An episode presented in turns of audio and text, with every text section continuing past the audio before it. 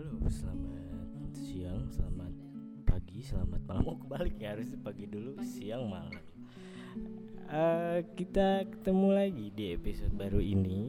Ya Mbak Nisa, Iya udah berapa episode ini? Udah 1001 mata lu. Oh iya, hari ini kebetulan kita sedang ada kedatangan seorang teman. Nah, di sini teman kita ini sedang mengalami keresahan. Makanya ingin diangkat di podcast ini gitu. Iya, Ingin berbicara mengenai keresahan yang sedang dilandanya gitu Kalau gitu kayak perkenalan dulu deh. Nah, di sini ada siapa nih kira-kira? Aduh, apa ya? Kira-kira panggilannya Mawar sih. Panggil aja Mawar. Mbak Soboraks enggak, enggak, enggak. Eh, nama aku Afifah Muti Atika eh, dari jurusan Ilmu Komunikasi 18. Eh, Telkom ya, Telkom. iya di Telkom, di Telkom ya. Sebenarnya pengen eh, ucapin selamat dulu nih buat Wari Podcast ya. Aduh, apa nih? Karena ini ya eh, selalu ada terus podcastnya saya pendengar pendengar rahasia gitu. Pendengar rahasia. Alhamdulillah ada juga ternyata ya.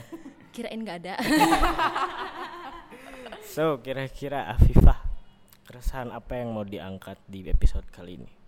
Ya, em, mungkin beberapa orang eh, banyak yang nggak begitu tahu saya. Eh, saya ada di FKB ya biasanya nongkrongnya. Hmm, Ya, em, apa ya? Saya sebenarnya mungkin lebih kepada bidang eh, hak asasi manusia. Oh iya. Nah, tapi eh, beberapa bulan terakhir saya juga cukup eh, melihat eh, bagaimana perkembangan dari feminis di Indonesia. Oh, feminis. Oke, oke, oke. Tapi eh, gini sih When we talk about feminism Actually we talk about ya our opinions aja gitu. Nggak ada judgment nggak ada menyalahkan membenarkan. It's pure. Ya apa yang kita pikirkan aja ya kan? Ya, benar benar benar benar. Jadi kira-kira apa nih yang mau diangkat pertama? Mungkin banyak orang yang salah paham mungkin. Kalau kata saya ya, salah paham dengan feminis. Mungkin orang berpikir kalau feminis dia berarti tidak menikah. Dia bisa semuanya sendiri or apa ya, mungkin yang lebih paling menonjol adalah ya ini kehidupan gue, bebas dong gue mau ngapain nih kalau cewek-cewek yang melabelkan dirinya feminis gitu. Padahal sebenarnya itu salah gitu. Mereka hanya membilang melabelkan mereka feminis tapi sebenarnya bukan. Mereka bukan bagian dari feminis kalau mereka melabelkan seperti itu gitu lagi-lagi juga eh, perlu diketahui gitu kan kalau feminisme itu adalah sebenarnya kayak sebuah paradigma aja sih kayak pemahaman yang semacam keadilan berbasis gender. Gitu yang bisa dilatar belakangin oleh kayak pemikiran gerakan kebijakan kayak gimana ya, ya dorongan lah gitu. Jadi nggak melulu sesuatu hal yang menurut gue sih nggak selalu hal yang negatif nggak selalu hal yang positif juga. Jadi kayak eh, bad and good things tuh selalu ada gitu sebenarnya. Mm-mm. kadang ya ada eh, sebuah feminis ini kadang ya ada pro ada kontra juga kan Iya benar-benar. Di masyarakat selalu jadi paradigma yang cukup sensitif, apalagi di Indonesia gitu ya.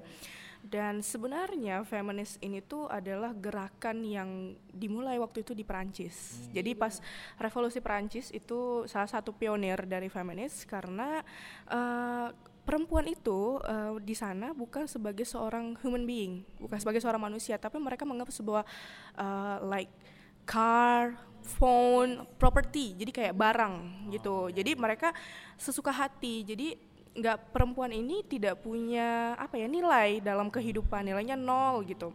Akhirnya banyak orang yang berpikir eh, ya itu banyak pemerkosaan, KDRT itu mulai bermunculan gitu. Perempuan itu seperti tidak ada harganya ya bisa lu pakai kapan aja gitu ya gitu. Kayak barang mama ada ya bang ya? Iya barang tapi setelah di apa namanya di Perancis itu tadi kan diikuti gerakan-gerakan di New York gerakan-gerakan di Eropa Asia dan akhirnya Afrika sampai sekarang gitu. Mungkin kalau Indonesia pionirnya Kartini. oh. Ya. ya bisa dibilang Indonesia pionirnya Kartini gitu dan mungkin muncul-muncul lagi setelah itu gitu kan. Seperti baik Nuril mungkin sekarang gitu ya. Eh, Kartini dulu mem- sebenarnya setiap negara, setiap daerah itu feminisnya berbeda-beda, tergantung dari apa yang diresahkan oleh wanita di negara tersebut. Entah itu misalkan um, pendidikan, entah itu misal perdagangan, entah itu misal pekerjaan, itu bisa diangkat menjadi salah satu permasalahan gitu di feminis itu. Mungkin kalau di Indonesia ya pendidikan pertama kali feminis itu. Kartini mungkin merasa resah kenapa perempuan tidak boleh belajar gitu. Why not gitu kan?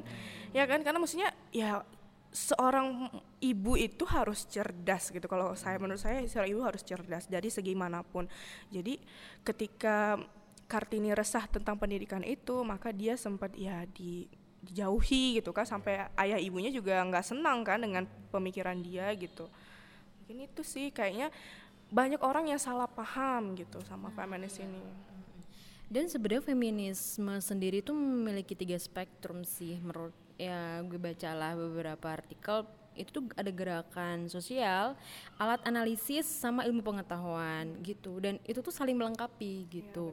Jadi nggak bisa kalau misalkan uh, bukan berarti benar tadi kayak dari awal tadi bukan berarti uh, ingin melebihi kodrat seorang lelaki yeah. yang patriarki.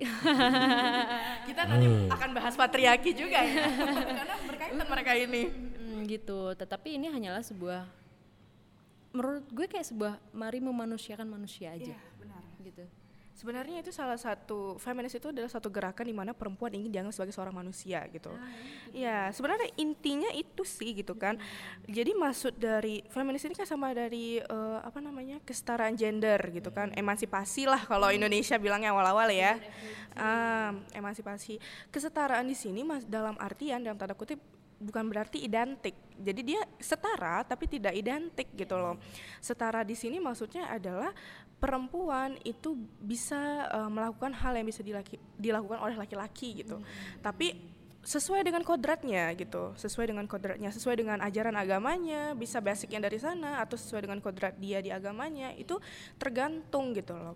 Jadi bukan berarti kayak uh, misalkan perempuan uh, boleh dong main bola gitu ya boleh aja kalau memang dia bisa kan tapi kalau misalnya dia nggak bisa ya nggak apa-apa gitu tapi kan ada juga kalau di Islam mungkin uh, ada tiga keistimewaan perempuan dan dilengkapi oleh satu keistimewaan laki-laki yaitu ibu, ibu dan ayah gitu kan. Karena laki-laki tidak bisa melakukan ketiga itu yaitu melahirkan, menyusui dan uh, mempunyai anak itu nggak bisa laki-laki kan, tapi dilengkapi oleh satu hal yang dimiliki oleh laki-laki. Bicara soal feminis dari seiring berjalannya zaman juga gua rasa ya feminisme itu sudah sudah apa ya sudah diterapkan secara nggak langsung sih menurut gue contohnya nih wanita karir di sebelah gue nih dua-duanya ini kan eh, eh, apa ya berkarir lah gitu ya istilahnya. Eh, cuma kadang ada eh, apa ya sebuah perusahaan atau apa pun gitu di tempat ya si wanita ini bekerja tuh kayak dibedain gitu. Hmm. Uh, maksudnya dibedain ya dari segi tanggung jawab terus dari segi penghasilan mungkin dari iya, gajinya nah iya, itu iya. kira-kira tanggapannya gimana kalau mungkin dari penghasilan Indonesia kalau sekarang udah lumayan sedikit terbuka dan setara hmm. kalau dari menteri-menteri yang juga ada orang Indonesia um, dulu pernah ada salah satu menteri yang diwawancara dan dia bilang bahwa gaji di Indonesia itu sangat setara. Jadi beda dengan di luar negeri. Ada satu temannya yang nanya dari luar negeri, kamu gajinya gimana sih di Indonesia? Beda nggak sih atau uh, sama nggak sih gitu? Dan dia bilang sama, kita gajinya sama, tergantung apa yang uh, ada gitu. Misalkan emang ya sejuta ya sejuta gitu kan, dua juta ya dua juta gitu, nggak ada perbedaan. Cuman dulu itu emang uh, perempuan itu memang murah banget gajinya. Kenapa? Karena buru-buru banyak perempuan ya kan? Kita bisa ngelihat. Kenapa buru-buru banyak perempuan? Karena perempuan itu murah. Jadi walaupun lu nggak punya titel nih lu bisa gitu kerja gitu loh apa pun itu gitu. Tapi uh, ya itu keburukannya kalau dari aku banyak lah ya cerita sama teman-teman kalau dari yang perusahaan besar gitu misalnya dia punya buruh perempuan kendalanya adalah misalkan minta cuti lah hamil lah inilah. Nah itu menjadi salah satu kayak ah lu pengen setara tapi lu minta cuti hamil juga minta cuti menyusui segala macam. Nah itu juga jadi pertimbangan waktu itu. Cuman kalau untuk Indonesia itu gaji untuk saat ini ya di masa tahun 2019 ini sudah setara gitu ya. Walaupun masih ada tapi hanya sebagian kecil mungkin gitu. Kalau di luar negeri itu lumayan lumayan jauh sekali perbedaannya. Bisa kita lihat. Ya makanya banyak orang-orang yang menyuarakan feminisme ini di luar gitu. Iya. walaupun ya di Indonesia juga sudah ada gerakan seperti feminisme gitu untuk memperjuangkan wanita. Sebenarnya gua juga berpikir kalau misalnya ya kenapa enggak gitu eh, wanita itu berkarir dan berkarya. Karena ya seiring zaman tadi gitu. Kalau menurut Nisa lo gimana mengenai tanggapan itu tadi gue tadi kayaknya sama deh baca artikel yang ada salah satu menteri itu menteri keuangan ya kalau Iya, nggak salah ya. Aduh aku lupa namanya. Sri Mulyani. Oh iya Sri Mulyani ya. Ah, Sri Sri Mulyani. Mulyani gitu. Gue nyimak juga itu perkembangannya kayak gimana. But gue ngalamin ini sendirian. Maksudnya gue adalah kayak gitu. Gue gue kan perempuan yang kuliah di lingkungan cowok. Kayak mayoritas cowok kan ya anak teknik ya gitu kan. Anak computer science eh, rata-rata cowok. Di mana memang gue tidak di- tidak bisa dirasakan secara gamblang gitu tapi kalau dipikir-pikir deep banget gitu kayak yang ada sih kayaknya memang di sini ada zona gitu kayak ada garis gitu. Kalau antara cewek cowok tuh memang different gitu kayak be- beda gitu kan ya di dunia teknik ya gitu. Dan kerasa tuh waktu zaman zamannya ini nih tugas besar kerasa tuh kayak zaman zamannya kayak kelompokan lah yang harus bikin proyek apa segala macem gitu kan ya. Yang akhirnya secara nggak langsung kita sebagai cewek diporsikan menjadi seseorang yang ya udah sih lo paling dokumen lo bisanya apa segala macem kayak gitu gitu malah lalu gitu ya. Lu yang ngetik-ngetik dah gue bi- biar muli gitu. Tapi Gitu. tapi gue dulu waktu SMK ya eh, ada satu cewek yang emang dia bener jago gitu. Jadi kebetulan gue masuk divisi web design waktu di sana. Dan yang ikut lomba ya dia dia lagi gitu si cewek ini namanya Anbar. Namanya Anbar dia emang eh, mungkin balik lagi kita bicara soal passion sih kayaknya. Mungkin ya kayak lo nih kan mas- masuknya nggak bukan passion lo lah ya bilang gitu kan. Cuman ya gimana lagi kan? Hmm. Tapi akhirnya juga gue menyadari ketika kita ingin dihargai, kayak misalkan gini biasanya kan gue nyarinya di kelompok misal kayak gitu kan ya, aduh siapa sih mau sama gue? gitu kan, ada di, di satu stage di mana lo sama gue ya, ada waktu itu ada lah gitu, ada lah sed- sedih amat ya ada lah. Gak ada lagi yang mau. Sebenarnya itu nggak di teknik aja sih. Itu juga di Ilkom kita dunia entertainment broadcasting itu juga sangat-sangat besar peran-peran perempuan kita inilah kita nggak usah munafik lah ya. Perempuan juga di film dalam genre apa pun juga bisa jadikan suatu apa ya untuk menaikkan eh, pamor itu juga gitu. Perempuan dianggap sebagai seorang yang apa ya aduh kayaknya semua genre film juga ada. Film horor thriller. Oh, apalagi horor. Heeh, drama film cita-cita pasti ada cewek gitu kan. Terus kayak horor tahun 2000-an kan. itu gue sering beli kaset tuh perempuan jadi barang gitu kan. Iya kita nggak nggak menutupi kemungkinan lah gitu ya. Perempuan dijadikan salah satu objek. Mungkin kita mungkin bilangnya bukan barang sih tapi objek untuk menaikkan rating atau menaikkan eh, apa namanya kayak kalau di aku sih mungkin kayak aduh kalau misalnya nih eh, yang di lapangan gitu ada perempuan ntar ribet panas lah inilah itulah gitu kan. Atau misalnya yang main itu perempuan ya dia heboh sendiri harus seperti inilah scene-nya atau gimana gitu. Tapi sebenarnya ya kita nggak bisa mungkiri gitu. Di dunia entertainment di dunia broadcasting eh, laki-laki juga kita jadikan objek gitu loh Eh, aku cukup me- melihat beberapa riset ya aku sempat beberapa kali riset gitu ya di serial drama Korea ya itu eh, mereka pasti setiap drama romantik gitu ya pasti itu ada scene di mana laki-laki eh, apa take a shower and a- abis itu kayak pakai handuk gitu ke- kelihatan ABS-nya itu itu juga hal yang lumrah hal yang lumrah di saat itu gitu jadi laki-laki dan perempuan udah dijadikan objek gitu. Padahal sebenarnya kebanyakan mungkin tahun sekarang ya uh, perempuan itu sudah kayak misalnya ada di film ya mungkin dia sebagai seorang seorang ibu yang kuat sebagai seorang yang uh, tangguh lah gitu kan. Tapi mungkin zaman dulu ya dia sebagai seorang yang ditindas gitu. Benar, benar, benar, benar, gimana nah itu dia sih bener banget sih. Dan uh, kesetaraan apa tuh tadi? Gaji? Ya gaji itu tadi udah diikuti sama kayak kesetaraan. Gue nggak tahu sih ini sesuatu hal yang positif atau negatif tapi kayak di suatu perusahaan tuh kayak udah ada ngasih persentase kayak ya ini tuh harus diisi sama cewek. Ya kan? Kayak yang ya emang harus cewek gitu. Jadi memang ada jatahnya gitu emang ini dibutuhkan untuk cewek gitu. Kalau menurut lo gimana? Itu menjadi sesuatu hal yang positif or negatif? Mungkin uh, salah satu mungkin satu-satu orang bisa bilang itu positif bisa bilang negatif. Entah itu mungkin entah itu mungkin menjadi opsi juga bagi seorang pekerja perempuan gitu. Ketika dia punya persenan misalkan uh, dia mungkin hamil gitu. Misalnya hamilnya 9 bulan otomatis kan mungkin dia tiga bulan terakhir dia nggak kerja gitu. Nah digantikan mungkin setengah gaji gitu misalnya. Tapi satu sisi la satu sisi yang lain juga ada juga yang merugikan karena kayak oh jadi ya opsi negatifnya berarti gue nggak bisa dapat sepenuhnya kayak perempu eh, kayak laki-laki gitu kan. Cuman kalau selagi itu masih menguntungkan maksudnya menguntungkan dalam artian merugikannya itu tidak terlalu kecil lah gitu. Merugikan tapi merugikannya itu dalam taraf yang kecil itu nggak masalah sih kalau kata gue ya. Cuman kalau udah merugikannya tuh tarafnya besar gitu ya sampai kayak mungkin dia tiga bulan itu nggak digaji gitu misalkan ya. Itu juga jadi pertimbangan kan gitu. Mungkin dia salah satu kepala keluarga di keluarganya gitu kan. Terus dia nggak kerja ya gimana gitu. Nah itu nih mengenai gaji. Gaji gitu hmm. gitu kan ya. Tapi kalau menurut gue uh, apa ya itu positif gitu kan ya. Jadi kayak uh, peluang besar untuk perempuan berkarir berkarya terus uh, memberikan apa ya ya punya skill lah gitu kan punya skill punya value gitu kan ya.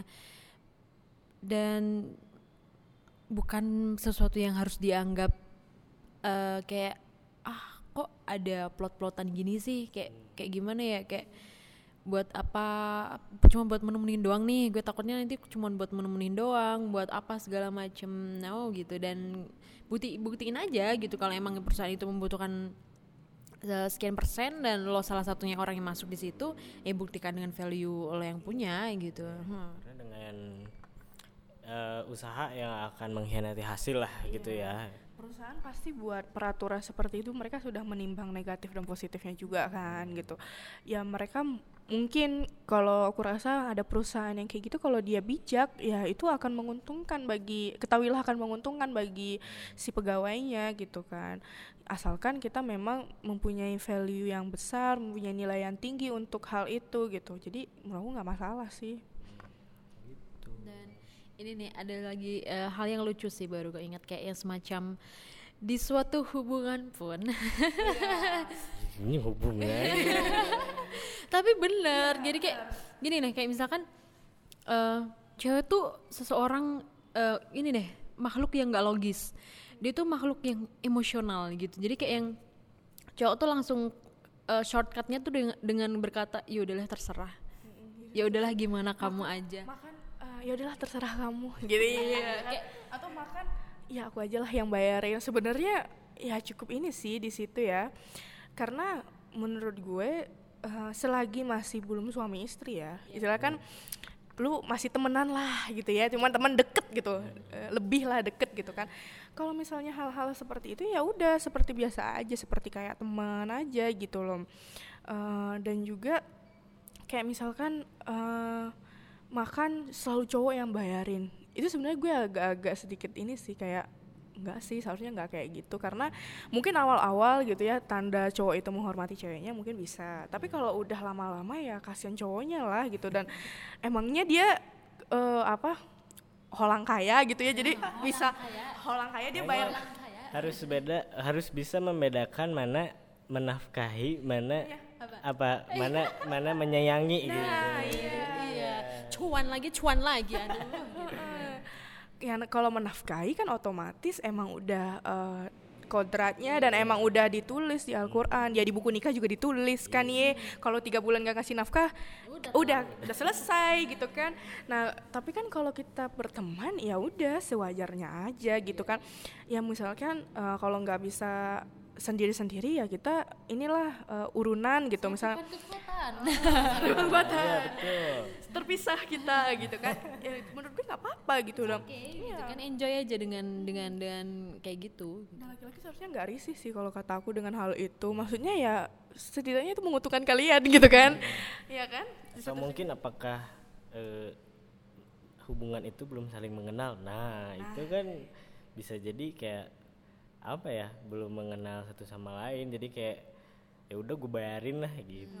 Kan kayak satu waktu dua Gengsi waktu lah waktu, gitu ya. Ha -ha, it's okay. Tapi lama-lama kan akhirnya akan aduh gue lagi nggak ada nih hmm. gitu kan. It's okay gitu. Dan lagi-lagi nih hmm, aku akan bahagia jika kau bahagia bersamanya. Itu tuh salah menurut gue hmm.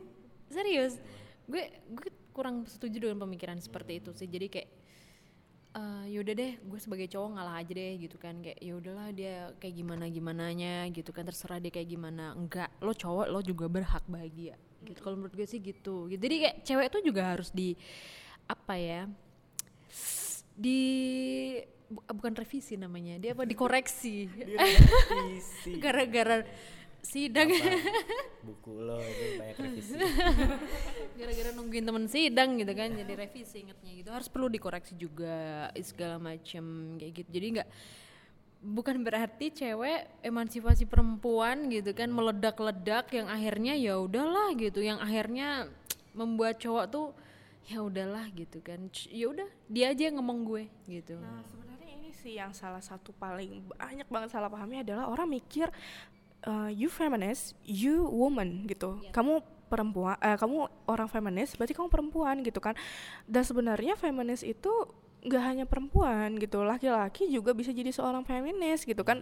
Laki-laki misalnya punya ibu, punya ya kan iyalah ya, punya punya ibu dia, punya adik perempuan atau punya kakak perempuan gitu kan, ya dia mencintai kakaknya menaikkan derajat kakaknya ya otomatis dia termasuk orang yang feminis gitu loh Feminis ini sebenarnya adalah gerakan di mana kita menganggap perempuan itu adalah human being, kesetaraan, menganggap perempuan itu adalah sesuatu yang ya kita nggak boleh merendahkan, nggak bisa merendahkan derajatnya, kodratnya sebagai seorang perempuan kayak gitu. Dan adanya suatu feminisme itu juga latar belakangnya masing-masing gitu kayak liberal, ada yang eh, ada ekstrim lah ya namanya kayak feminisme yang bentuk radikal kayak gitu. Kayak ini nih yang sosialis yang dia itu ngeritik soal terhadap revolusi industri dan kapitalisme itu kan positif gitu kan itu gerakan positif gitu ya why not gitu kan ya. Itu dia. Sebenarnya kalau di apa uh, di Eropa sana mereka ada perkumpulan feminis liberal uh, tinju-tinju gitu loh. Iya. tapi itu udah sempat diambil Vice ya waktu itu Vice uh, internasional uh, mereka itu bikin uh, satu satu grup yang emang buat ninju ya petinju gitu cuman perempuan gitu. Perempuan isinya perempuan ya lu kelahi sama-sama perempuan gitu. Bukan berarti kelahi sama laki-laki. Nah mereka itu jadikan itu sebagai suatu olahraga tapi ya buruknya di masyarakat karena pakaiannya. But gimana ya uh, menurut aku untuk masalah taraf pakaian, taraf bagaimana orang berperilaku itu tergantung negara-negaranya dan tergantung bagaimana organisasinya gitu loh karena uh, misalkan contoh sederhana aja deh gitu ya. Kayak aku di ikom kan uh, klubnya Lokatara. Kita Lokatara salah satu grup yang uh, baju ininya baju uh, klubnya itu bukan kayak jas gitu loh. Bukan kayak kayak baju-baju hima gitu tapi bajunya jeans gitu. Dan kita kayak oh lu komunis nih lu liberalis gitu. Lu kiri ya gitu. Nah gitu gitu. Oh lu kiri ya lu ini. Padahal ada arti dari kenapa kita pakai jeans karena kita berani berkoar dan jeans itu kan sebenarnya ya sebenarnya sih uh, buruk apa ya kita tuh sebenarnya kayak kan kalau jeans itu jelek buruk cukel gitu kan kagak kelihatan gitu. Bau sekalipun ya udah lah ya pakai aja gitu keren kak Nah, matahari juga hilang baunya. tetap keren padahal sebenarnya kalau panas kalau panas ya kepanasan gitu ya. Nah cuman orang tuh kayak berpikir ah lu kiri nih ah lu komunis gitu ya kan. Kayak aku misalkan ikut demo gitu kan kayak lu ngapain sih ikut demo? gitu. Kagak jelas cewek lagi gitu kan. Terus eh, lu nggak takut apa dilariin gitu misalkan atau apa ya menurut gue selagi kita berdemo kan istilah berdemo itu kan menyuarakan pendapat kita sebagai masyarakat ya gitu. Gue mungkin nggak bisa bilang sebagai eh, mahasiswa gitu sebagai masyarakat juga gue pernah gitu. Ya gue ada yang gue ingin sampaikan gitu loh. Karena kan negara kita dasarnya demokrasi kan kita udah tahu itu. Ya apa salahnya kita bersuara apa yang kita inginkan? Intinya demo itu boleh kalau misalnya lu ada yang lu sampaikan ada lu yang perjuangin lah gitu.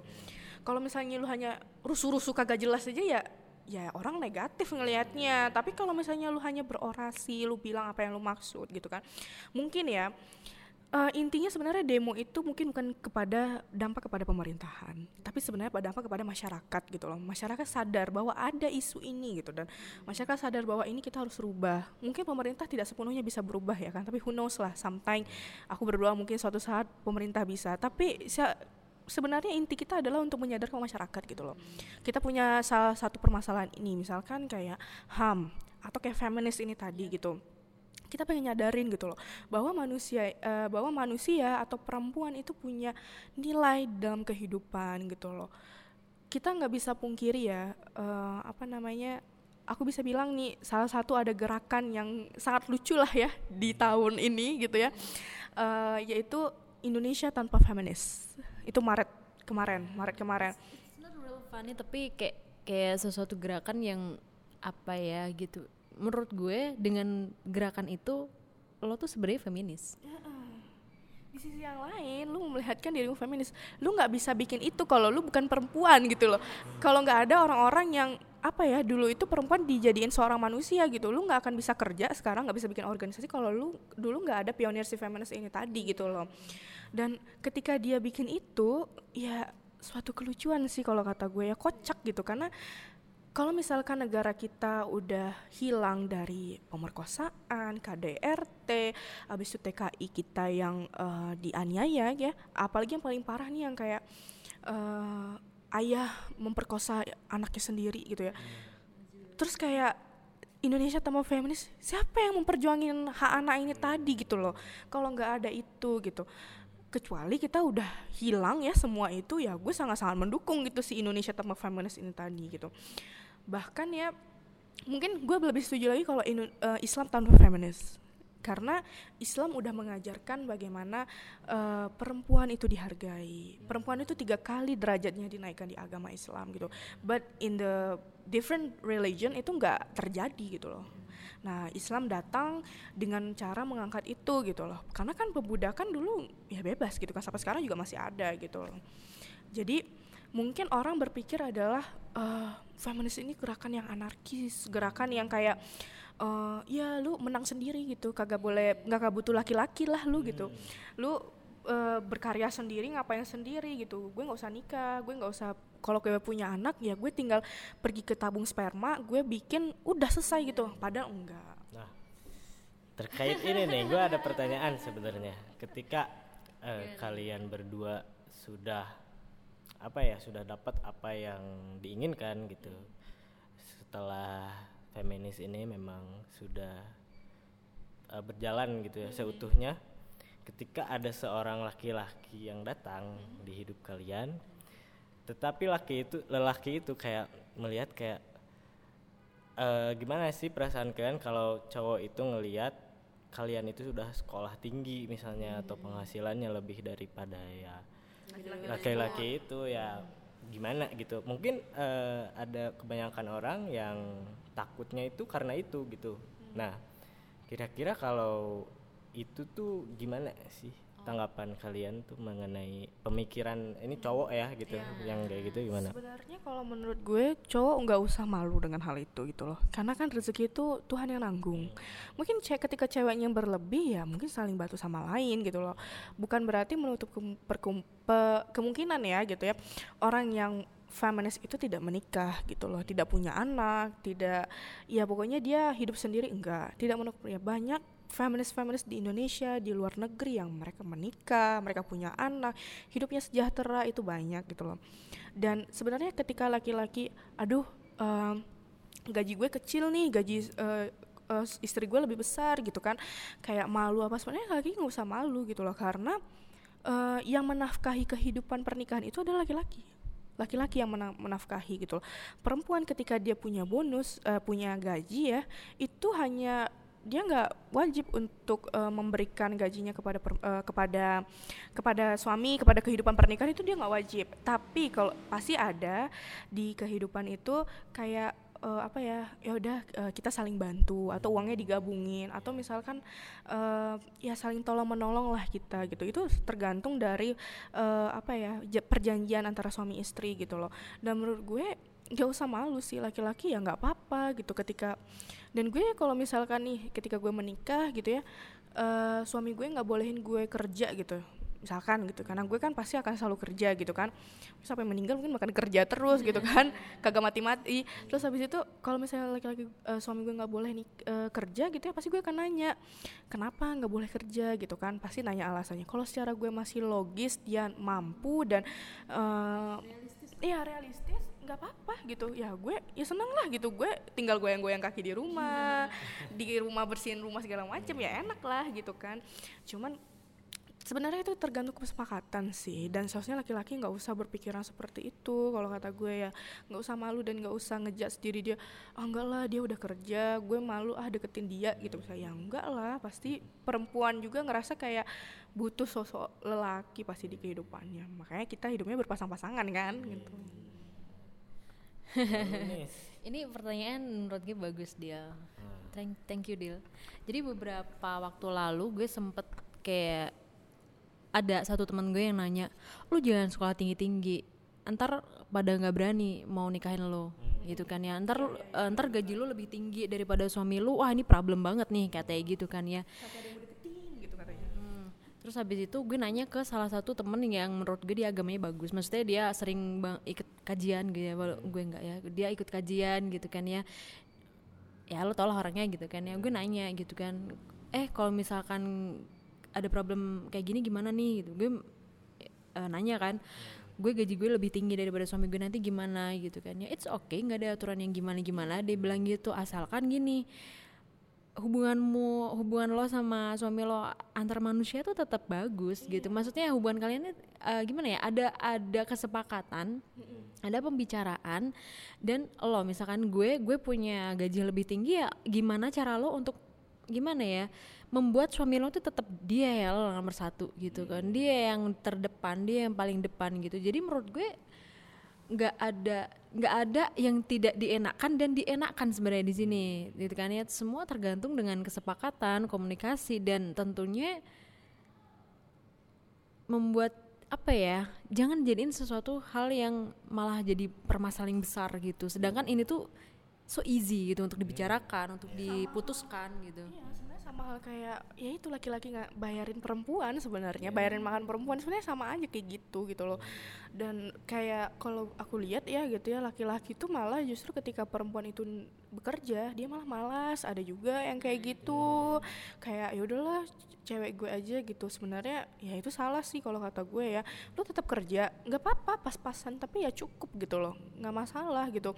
Karena di agama ya di agama maksudnya secara secara internal aja lah gitu ya. Laki-laki itu punya peran penting dalam kehidupan rumah tangga gitu loh. Uh, salah satu tujuan lu adalah menafkahi istri lu menafkahi anak-anak gitu loh. Mau istri lu kaya miliarder segebo ape gitu ya. Hmm. kalau misalnya lu kagak kerja ya lu salah gitu. Karena kodrat lu sebagai seorang suami nggak lu jalanin gitu. Hmm uh, kalau soal pergerakan tadi tuh yang sempat disinggung hmm. sama Pipeh, gue manggilnya Pipeh ya. gitu. gitu uh, agak bukan gue nggak akan bilang ini ekstrim, but kalau didengar tuh kayak yang ya udah sih cewek tuh di rumah aja. Udah cewek tuh ya udah sih gitu maksudnya nggak usah ngapa-ngapain gitu biarkan suami-suamimu yang di luar rumah saja gini segala macam in many cases women are not taken as seriously as men. Kayak misalkan ya gimana orang-orang yang ini yang nggak punya suami? Gimana mereka yang nggak punya ayah? Dan dia harus misalkan anak tertuanya perempuan. Dan jangan salah yang kayak gue bilang tadi tuh eh, perempuan tuh bisa kok mengambil keputusan di hal-hal yang sangat inti gitu. Gimana ya bidan misalkan. Itu kalau misalkan nggak ngambil keputusan ya aduh ini harus gimana gitu gue harus gimana? Ya gimana gitu kan ya akhirnya tapi dia bisa kan ngambil sikap ngambil keputusan yang ini yang harus gue lakuin. Dia perempuan loh padahal gitu kan. Jadi menurut gue gue mau bilang salah gue takut salah. Gue bilang bener gue takut gue salah bener atau segala macem. Tapi lagi-lagi dengan adanya gerakan itu sebenarnya itu tuh gerakan feminisme jadi sadarlah kalau itu tuh sebenarnya sudah termasuk ke dalam feminisme gitu Sebenarnya perempuan bisa kuliah, bisa sekolah aja dah, sekolah SD gitu ya. Itu sebenarnya feminis. Kenapa perempuan itu bisa ke sekolah, kuliah itu karena ada feminist tadi gitu loh, ketahuilah gitu kan. Eh, dan Islam itu mengajarkan seorang ibu itu harus cerdas. Itu tertulis loh di Al-Qur'an. Eh, seorang perempuan itu harus cerdas dalam bidang apa pun gitu loh. Kayak contohnya ibu gue ya, itu salah satu wanita yang kuliah di keluarganya dia. Yang ya, anak-anaknya eh, nenek gue tuh nggak ada yang kuliah gitu, maksudnya ada cuman cowok gitu. Yang cewek itu cuman ibu gue doang gitu. Dulu tuh nggak boleh sama nenek gue karena eh, nenek gue bilang udah bantuin eh, ini aja ya waktu itu karena berdagang kain kan, jadi kayak ya udah bantuin dagang kain aja. Terus ibu gue bilang gini, eh mak gitu ya gimana pun juga eh, kehidupan perkawinan pernikahan itu bukan hanya tentang mencuci dan menyapu bukan hanya mencuci menyapu memasak tapi juga mendidik anak itu adalah peran ibu gitu loh. Karena golden egg-nya anak itu itu ada di ibu tanggung jawab ibu gitu loh. Kalau misalnya kita nggak bisa didik anak kita ya kadang orang aja yang udah bener-bener ngedidik ya udah perfect banget bisa aja salah anaknya ada aja kesalahan-kesalahan gitu loh. Nah jadi seorang ibu itu emang harus cerdas kata Allah gitu loh. Emang harus cerdas. Kenapa? Karena eh, dia yang akan melanjutkan keturunan-keturunannya gitu. Dan emang itu tuh sebenarnya apa ya asalkan nggak keluar dari batas kodrat itu nggak masalah sebenarnya gitu. Dan eh, tidak ada orang yang tersakiti atau misal tidak ada orang yang terhina di saat itu ya nggak masalah. Cuman kalau udah sampai ke tahap yang terhina tersakiti dan em, melewati kodrat kita ya itu baru baru jadi permasalahan gitu. Itu kan. Balik lagi dengan perkembangan zaman ya secara nggak langsung feminisme ini sebenarnya sudah ada gitu kan. Hanya bagaimana cara kita menyikapinya aja bagaimana kita cara berpikir tentang ini gitu. Jangan apa istilahnya ya open minded lah dalam segala hal gitu. Jangan jangan hanya melihat sesuatu hal dari satu perspektif dan udah gitu. Nah, gitu. Karena nggak semua hal yang apa ya yang misalnya orang lain tunjukkan itu semua bisa kita ambil gitu kan. Kadang ada yang buruk yang harus kita saring juga kan. Itu sih menurut gua. Untuk- eh, untuk yang apa ya untuk yang kontra tentang ini ya feminisme itu. Hmm, ya sebenarnya gua nggak nggak apa ya nggak bukan nggak setuju juga tapi ya kita udah hidup di zaman yang modern lah ya sebut aja gitu. Kadang eh, wanita juga dari ini aja dari bisnis misalnya kan dari itu kan kayak ya dia udah punya sesuatu lah gitu ya tanpa harus eh dibatasin atau apa pun gitu kan dari situ. Sebenarnya feminis ini dulunya timbul itu karena patriarki juga gitu. Karena eh, saat itu ya kita yang kita tahu ya patriarki itu adalah sistem di mana laki-laki mendominasi di lingkungan masyarakat sehingga dia itu menjadi apa ya perempuan itu nggak punya hak lah untuk di bagian politik pendidikan gitu kan. Nah feminis datang karena ketika itu laki-laki jadi semena-mena eh, pemerkosaan ya. Kayak contohnya kasus eh, baik Nuril terus kayak kasus Prita Mulyasari ya. Prita Mulyasari kan itu dia eh, di rumah sakit ya gitu kan. Kalau baik Nuril di pendidikan gitu kan. Nah kenapa eh, kita itu mengangkat feminis ini ya? Sebenarnya kita melawan ketindasan dari perempuan-perempuan yang dilakukan semena-mena kayak gitu gitu loh. Itu perlu digarisbawahi ya gitu. Mm. Sebenarnya feminis itu adalah melawan uh, penindasan terhadap perempuan. Intinya itulah. Itu intinya feminis itu adalah melawan uh, apa namanya? penindasan terhadap perempuan gitu loh. Kayak baik Nuril, kayak nggak logika gitu loh. Uh, lu tuh korban, tapi lu yang masuk penjara gitu loh dan akhirnya ini sampai kedengar sampai ke luar negeri gitu ya. Maksudnya nama kita Indonesia ya jadi salah satu trending topik lah di omongan uh, orang luar negeri ya. Karena kayak nggak logis gitu. Ini orang dia tuh kenapa ngerekam? Karena dia pengen membuktikan ke keluarganya, ke teman-temannya bahwa tidak ada hubungan apa-apa, tapi si laki-laki inilah yang melecehkan dia secara ya mungkin secara uh, ini ya, secara omongan ya visual gitu. Nah, kayak contohnya lagi kayak Prita Mulyasari gitu ya. Uh, ini suster ya kalau nggak salah suster yang dia ngecek terus tiba-tiba ngeraba-raba bagian uh, sensitif, sensitif perempuan gitu kan. Nah sebenarnya ada cerita lucu sih dari ini uh, bukan cerita ini sih gue pernah ngalamin ini juga gitu. Jadi uh, waktu itu gue sakit jadi kan uh, gue itu masuk uh, sore lah sampai malam gitu kan. Dan gue tuh tipes waktu itu jadi udah panas segala macam. Abis itu uh, gue nggak tahu. Jadi posisinya kan dokter itu pagi check up general check up. Ya biasalah dia tensi segala macam gitu kan. Gue keadaan gue itu waktu itu antara sadar dan nggak sadar gitu ya kan. Abis itu si dokter ini ngecek. Nah habis itu dia kayak nurunin celana gue gitu loh sampai ke kolor gue gitu loh. Uh, maksudnya pakaian dalam gue kelihatan gitu kan terus gue kayak waktu itu agak berapa detik gue kayak diem terus kayak gue naikin kan. Terus habis itu kayak nah di situ si dokternya ini gue pikir dia akan ngecek ke stetoskop kan karena gue ada mah ya pasti bagian sana gitu. Dokternya cowok waktu itu. Terus tapi dia nggak ngelakuin. Dia cuma ngomong-ngomong-ngomong-ngomong aja. Pas gue tarik dia baru kayak ah iya uh, uh, jadi gini gini gini gini gitu. Panik kali ya. Iya dan gue panik kan di saat itu gitu kan. Gue kayak ah ini orang ngapain? gitu. Uh, dan sebenarnya uh, itu salah. Etika dokter ketika dia ingin membuka atau ketika dia ingin meraba bagian pa, uh, pasien dia harus bilang uh, maaf boleh ya saya pegang boleh ya saya buka dulu sebentar ya. Itu ada etikanya. Dan gue tuh ngomong ke kakak gue karena kakak gue dokter kan gue tanya kayak ah tadi itu tiba-tiba dokternya kayak gitu gitu kan. Gue suka tapi gue kayak gue ngerasa entah gue mimpi atau enggak cuman kayak ibu sebelah gue tuh bilang tadi dokternya ngapain? Gitu kan. Iya ibu lihat nggak sih tadi dokternya nurunin celana saya bu? Iya terus terus tapi nggak meriksa ya bu ya? Iya nggak meriksa. Terus kayak gue langsung kayak oh, oke okay. oke. Okay. dan itu semua masuk rumah sakit yang gede loh di Bandung kayak gue ngerasa wah kocak sih ini etika dia salah. Jadi emang ya itu tadi gitu kan. Gue bisa aja kan saat itu ketika gue mungkin karena gue udah lemes ya kalau kayak gue naik darah lah dokter ngapain? Kayak gitu gue bisa aja emosi kan gitu. Tapi kan satu sisi lain gue kayak oh ya gue menenangkan diri mungkin gue antara tidur uh, apa sadar, uh, sadar gitu. uh, antara nggak sadar sadar atau nggak sadar.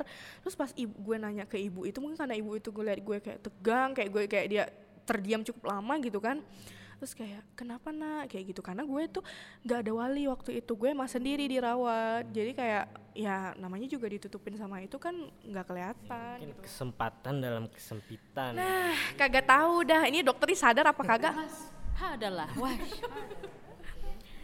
Nah sebenarnya hal-hal kayak gitu sih gitu kan. Ingin dilawan lah ya. Mm, kita tuh sebenarnya ya kita ini manusia juga lah nggak usah deh lu anggap perempuan manusia juga gitu loh cukup hargai gitu. Kayak misalkan uh, ini nih yang paling mungkin yang paling panas ya saat ini kayak di Sulawesi kan Palu kan kemarin gempa. Terus uh, banyak anak-anak muda di Palu yang lulusan SMA itu disuruh nikah. Suruh nikah karena orang tuanya berspektif. Nah ini orang tua sih ya berspektif kalau anaknya nikah otomatis tanggung jawabnya kelar gitu Nah, padahal anaknya itu belum cukup umur, belum cukup untuk melahirkan, belum cukup untuk apa ya istilahnya menanggung beban rumah tangga itu belum belum cukup gitu loh. Tapi disuruh kayak gitu. Nah, eh, itu salah satu ya. Nah, ada juga nih di Palu pamannya ngehamilin sepupunya. Gue baca itu, gue baca itu. Nah, yang kocaknya ibunya bilang, "Yaudah kamu nikah aja sama pamannya." Wadidah. gue sampai uh, kalau tuh emak gue ya aduh gue bilang deh keluar kakak keluar kakak deh gue gitu kan. Maksudnya anak anak itu udah trauma yang besar karena bencana alam. Karena bencana alam mereka udah trauma. Abis itu karena kehidupan di pemukiman yang deket-deketan yang kayak gitu banyak kemungkinan untuk eh, adanya pelecehan gitu. Nah ini pamannya sendiri loh. Pamannya sendiri istilahnya paman itu kalau sama eh, adik eh, ininya adik anaknya ya berarti anaknya juga gitu loh. Nah itu dia memperkosa dan itu nggak sekali, itu berulang-ulang kali sampai kayak kasus itu jadi hot news lah untuk di Palu dan sempat dibawa di BBC juga. Kayak ya nggak wajar gitu dan orang tuanya malah bilang kamu yang salah, kamu yang ini gitu. Nah kenapa sebagian besar korban pemerkosaan itu nggak mau ngomong? Karena percuma gitu. Mereka merasa percuma. Mereka ngerasa bahwa malah kita yang dirugi- dirugikan gitu. Nggak ada value yang besar dampak yang tinggi gitu. Karena setiap mereka ditanya itu pasti ada pertanyaan ehm, ini aku tahu karena ada ya eh, kasus yang emang waktu itu aku sempat denger dan emang aku ketemu sama orangnya. Dia tuh diwawancara di ke kepolisian itu dia bilang kamu pakai baju apa waktu itu? Kamu eh, kamu ini ya kamu mancing ya itu kesalahan terbesar apalagi kalau psikologis ya itu sangat-sangat salah pe- apa ya omongan itu gitu loh. Seharusnya ya dia nanyain bagaimana kejadiannya waktunya waktu itu kamu lagi ngapain sih terus kok kenapa tiba-tiba kayak gitu soalnya lebih lebih nanya itu gitu loh. Nah di Indonesia itu 93 persen pemerkosaan yang terjadi dan itu nilai yang cukup tinggi dan itu nggak banyak yang ngomong. Kenapa? Karena mereka nggak punya efek yang baik lah gitu. Ketika mereka ngomong nama mereka yang dikenal masyarakat nama mereka yang kayak oh ya tuh pasti salah tuh dia tuh yang mancing atau dia sama sama suka. Yang namanya pemerkosaan ya ke salah satu belah pihak yang ngelakuin gitu. Kalau lu sama-sama suka ya cinta namanya gitu ya. Mah jadi kenapa hal ini menjadi salah satu yang eh, apa ya kenapa feminis datang untuk melawan ini gitu loh kita pengen ngapusin ini kita pengen bahwa laki-laki tuh harus sadar bahwa perempuan itu ada harganya. Perempuan itu juga manusia gitu loh. Mereka nggak bisa semena-mena kayak gitu gitu. Walaupun kalau kata orang perempuan itu lemah gitu loh nggak punya daya apa-apa ya. Tapi kalau setidaknya dia sudah memuncak ya bisa aja gitu kan. Namanya juga manusia sama aja kan. Di mata Tuhan kita laki-laki perempuan sama aja gitu ya gitu. Jadi itu salah satu hal yang mungkin menurut gue ya resah lah gitu. Pemerkosaan KDRT kalau TKI kita yang dianiaya di sana di luar sana ya di negara orang gitu kan. Kita nggak bisa diam aja gitu loh. Karena gimana pun juga intinya nih kata orang TKI itu kan ya mereka kan emang ke luar negeri supaya mereka kerja supaya mereka dapetin uang. Ya wajar aja sih mereka kalau dapet perlakuan kayak gitu. Menurut gue ya salah lah. Kerja ya kerja gitu loh. Emang lu ngasihin uang. Tapi kan kalau misalnya lu meleceh dilecehkan sama majikan ya itu salah gitu loh. Istilahnya walaupun misalnya em, urusan atau undang-undang kita atau peraturan kita beda sama orang luar setahu gue nggak ada negara mana yang bilang pemerkosaan itu eh, hukumnya baik gitu loh kagak ada deh kayaknya. Kalau kata gue pasti jahat gitu loh. Nah itu tadi. Apakah eh, balik lagi jadinya pertanyaannya apakah eh, semua orang punya pemikiran terbuka seperti ini? Enggak gitu kan. Yang nantinya nganggap bahwa feminis ini suatu gerakan yang radikal atau yang apa gitu. Iya. meresahkan atau merugikan gue sih enggak sih selagi kita bergerak maksudnya yang ya pelopor-pelopor feminisme ini sebagai vokalnya gitu. Kan ada beberapa vokalnya pasti ya. Itu memang sesuai takarannya. Sesuai memang sesuai kalau obat tuh ya sesuai dosisnya lah gitu kan ya. Ketika kita sudah bergerak ya sudah gerakan gerakan itu ya harus yang eh, apa ya yang memang baik gitu. Baik dan memang untuk eh, kasus ini gitu. Jadi ya jangan sampai keluar dari visi dan misi yang awal tadi untuk menghapuskan ini segala macam. Jangan sampai melebar ke hal-hal yang malah itu over gitu. Menurut gue sih gitu. Gue juga bukan orang yang feminisme banget gitu kan ya. Gue feminisme kalau menurut gue sih gue mas, gue, gue seorang feminisme yang ya masih takarannya masih wajar aja sih gitu. Mhm. Dan sebenarnya itu banyak pemahaman yang salah tentang feminis ini sebenarnya dari literasi elektronik ya, literasi internet yang ada di kehidupan kita gitu ya. Kayak orang tuh banyak gampang aja untuk baca hal-hal yang kayak menjerumuskan masyarakat gitu. Mungkin ngerasa mungkin ada mungkin dulu yang bilang bilang uh, feminis itu orangnya ya semena-mena atau misalnya nggak butuh nikah dan segala macam gitu. Nah sebenarnya sih literasi ini penting, literasi internet ini penting untuk di kehidupan orang Indonesia ya, karena anak-anak aja udah bisa gitu baca baca internet, buka Google dan segala macam tuh anak-anak udah bisa gitu.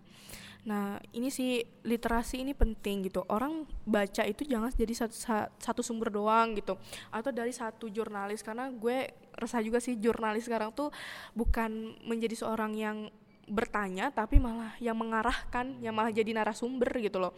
Nah, soalnya dia nggak Iya, ngejajing, malah mengarahkan seseorang untuk uh, terdorong untuk ngomong yang buruk gitu loh. Malah jatuhnya kayak gitu. Nah sebenarnya literasi internet itu penting di Indonesia gitu loh. Mungkin kalau ada itu ya literasi mungkin kalau di kita kuliah literasi TIK gitu ya. Cuman mungkin itu di anak-anak itu penting. Anak-anak orang tua gitu ya. Kayak di grup WA ya standar lah gitu. Di Jerman itu tuh ada kayak sertifikat gitu loh kalau pengen pakai internet. Jadi anak-anak kecil itu tuh punya sertifikatnya yang namanya tuh kayak gadget Tausway jadi mereka tuh punya sertifikat dari gurunya mereka buat bisa buka internet, bisa buka Google kayak gitu karena udah mampu menganalisis gitu. Orang Indonesia tuh uh, untuk pemikiran analisisnya kurang rendah gitu loh. Mereka tuh lebih gampang untuk mendapati berita doang gitu, tapi mereka nggak nganalisis gitu. Jadinya kayak gitu gitu. Banyak orang yang salah paham. Feminis ini juga sebenarnya salah satu topik yang salah paham juga. Ham juga gitu. Terus kayak misalnya komunis juga orang salah paham tentang komunis itu seperti apa gitu. Itu penting sih kalau kata aku. Iya. banyak-banyak baca masa iya kita ranking 62 dari 70 negara sih? Dari Tentang literasi. Apa? oh iya yeah. menurut kayak program for international student assessment gitu. Hmm. dia bilang negara kita tuh 62 iya kadang terlalu males baca orang Indonesia itu maksudnya iya, dan cepat percaya. Ah cepat percaya jadinya ya baca primbon. Mungkin kita nggak usah menjelekan salah satu literasi ya yeah. tapi uh, intinya adalah mungkin mereka hanya baca satu sumber. Hmm. untuk ngelihat ke sumber lain tuh mereka kayak ah udah gue percaya dah yang ini gitu gitu kan.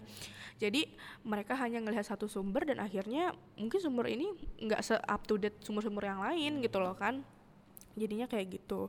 Dan gue juga pengen bilang ya uh, mungkin dari segi agama ya feminis ini tuh banyak orang yang bilang lu muslim terus lu feminis gitu loh. Ya itu salah gitu kata orang bilang gitu. Sebenarnya kalau gue sih agak bukan bukan ini ya bukan menjelekkan mereka men gue seperti itu. Tapi menurut gue adalah mereka salah paham akan hal itu gitu loh. Maksud gue di sini adalah uh, perempuan itu di Islam tiga kali dinaikkan sama sama agama kita gitu. Tiga kali dinaikkan derajatnya. Habis itu laki-laki yang satu gitu kan. Nah uh, di Al-Quran itu nggak ada istilah penghapusan perbudakan. Itu nggak ada. Uh, per, perbudakan itu nggak pernah dihapuskan di Al-Quran. Pasti ada lagi ada lagi. Dan sampai sekarang juga masih ada kan gitu Nah, perbudakan itu kenapa tidak ada dihapuskan? Karena Islam itu ingin, ya Allah itu ingin kalau dari aku baca-baca ya dari Dr. Zakir Naik dan beberapa sumber-sumber, Allah itu ingin ketika itu datang kembali, perbudakan itu datang kembali ke Indonesia, ya ke mana aja lah gitu ya. Islam itu bisa dijadikan salah satu dasar untuk membebaskan perbudakan tersebut gitu loh. Karena banyak ayat banyak banget ayat di Al-Qur'an yang menganjurkan bebasinlah budak kalau misalnya ada tangan kananmu bebasin gitu kan.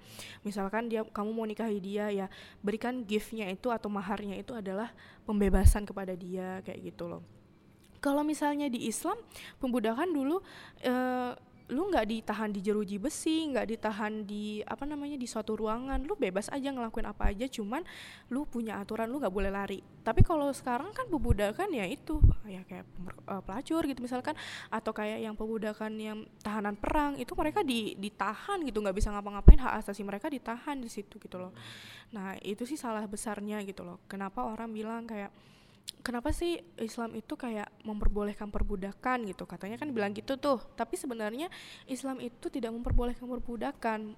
Mereka memang masanya waktu itu tidak bisa ada ayat yang menghapuskan perbudakan itu. Cuman mereka banyak menganjurkan untuk membebaskan bebasin gitu. Kalau misalnya ada bebasin gitu. Karena perbudakan itu zaman ke zaman pasti akan ada gitu. Oke. Serius banget ya.